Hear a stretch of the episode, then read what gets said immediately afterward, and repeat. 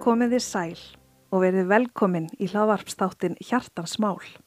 Þar sem mál hjartans fá rými og mikilvægi andlegar helsu er okkur hjartans mál. Ég heiti Íris Holm og er þáttastjórnandi en á hverjum sunnudegi munum við fræðast saman um andlega líðan, lesa hugvekjur hjarta og huga og finna leiðir til sátta við okkur sjálf, auk jafnvægis í sál og á líkama. Þátturinn er partur á verkefninu Þú skiptir máli sem er forvarnarverkefni gegn einelti, fík og sjálfskaða. Í þessum þáttum gefst fólki kostur á að gefa sínum skrifum rödd og við hvetjum þá sem vilja senda okkur greinar eða hugvekjur til að senda okkur tölvupóst á hjartansmál.irisholm.gmail.com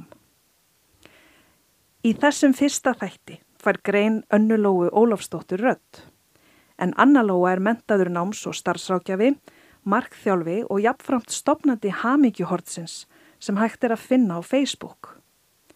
Við færum önnulóu okkar bestu þakkir fyrir og með því hefst lestur á greininni Getur þú lánað mér? Við erum alltaf að gefa og þykja í samskiptum við aðra. Stundum getur verið gott að fá lánaða domgreint, aðstóð við ákvarðanatöku, auksla á erfiðum tímum skilning, góð ráð, hlustun og svo mætti lengi telja. En getur verið að við séum stundum of mikið í lánastarfsemi þar sem við treystum ekki eigin ákverðunum eða getur til að takast á við hluti, en treystum því mun betur á aðra. Hvernig er þetta þegar við förum í samband, hvenar er eðlileg hjálpsemi í gangi og hvenar tínum við okkur ef eitthvað tíman í samrunanum? Ég hef staðið sjálf með að því að takast á við henni ímsu verkefni þegar ég hef búið einn. Fundi fyrir miklum létti þegar það voru tveir til að deila þessum verkefnum en á sama tíma að missa smám saman viljan og öryggi til að gera ímislegt sem ég var vön áður. Meðvitað og ómeðvitað. En stundum einhver vani og jafnvel óöryggi þar sem maður hefur trú á því að hinn aðilinn sé betur til þess fallin að leysa verkefnið. Ég hef staðið sjálfa með að því þrátt fyrir að ég viti nákvæmlega hvað ég vil þá einhvern veginn tel ég að hinn aðilins sé betur til þess fallin að skera út um hver sé rétta ákvörðunin og áðurinn ég veit af, treyst ég sjálfur mér ekki eins og áður. Ég las greinum þetta á Psychology Today um daginn og finnst alltaf svo áhugaverð þegar það er verið að fjallum mál sem ég hef verið hugsi yfir. Það er verið að velta því upp hvort að þetta tengist því að vilja eigða öllum óvissu þáttum eins fljótt og hægt er. Losna við spennu og kvíða. Ég hef líka kynst þessu í starfinu mínu þegar fólk kemur til mín og segir getur þú bara ekki sagt mér hvað ég á að gera? Þetta getur allt byrjað á hverstarslegum hlutum eins og treysta á aðra til að vekja þig eða taka lifin þín.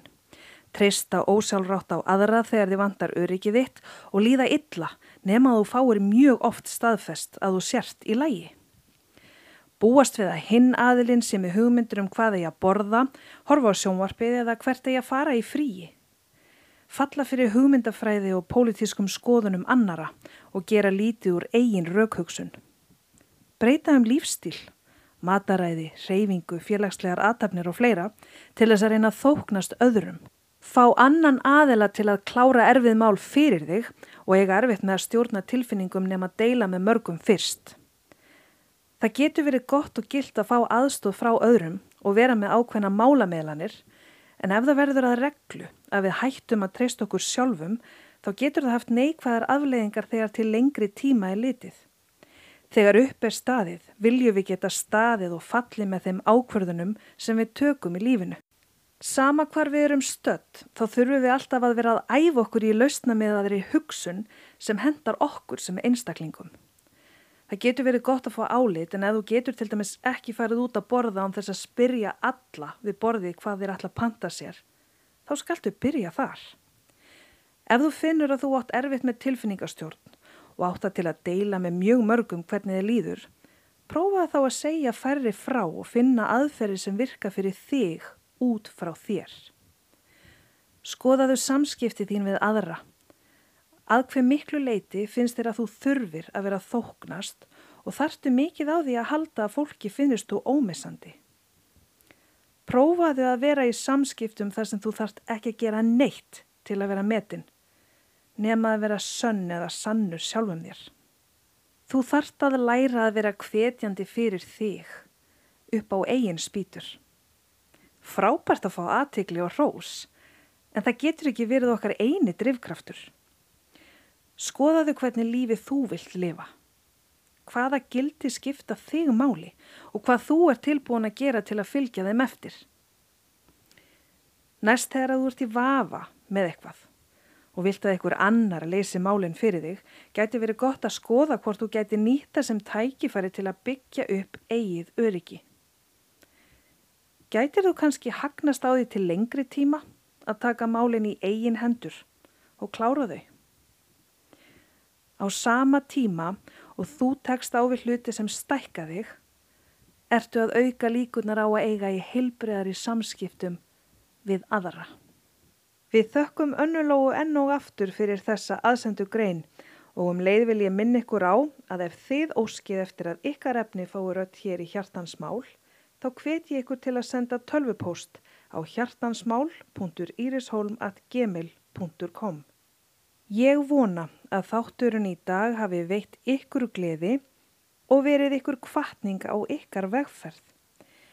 Það sem er ykkur hjartans mál fær vonandi rými hér í þættinum og ég hlakka til að vera með ykkur hér á sunnudögum. Ég heiti Íris Holm og við sjáumst að viku liðinni.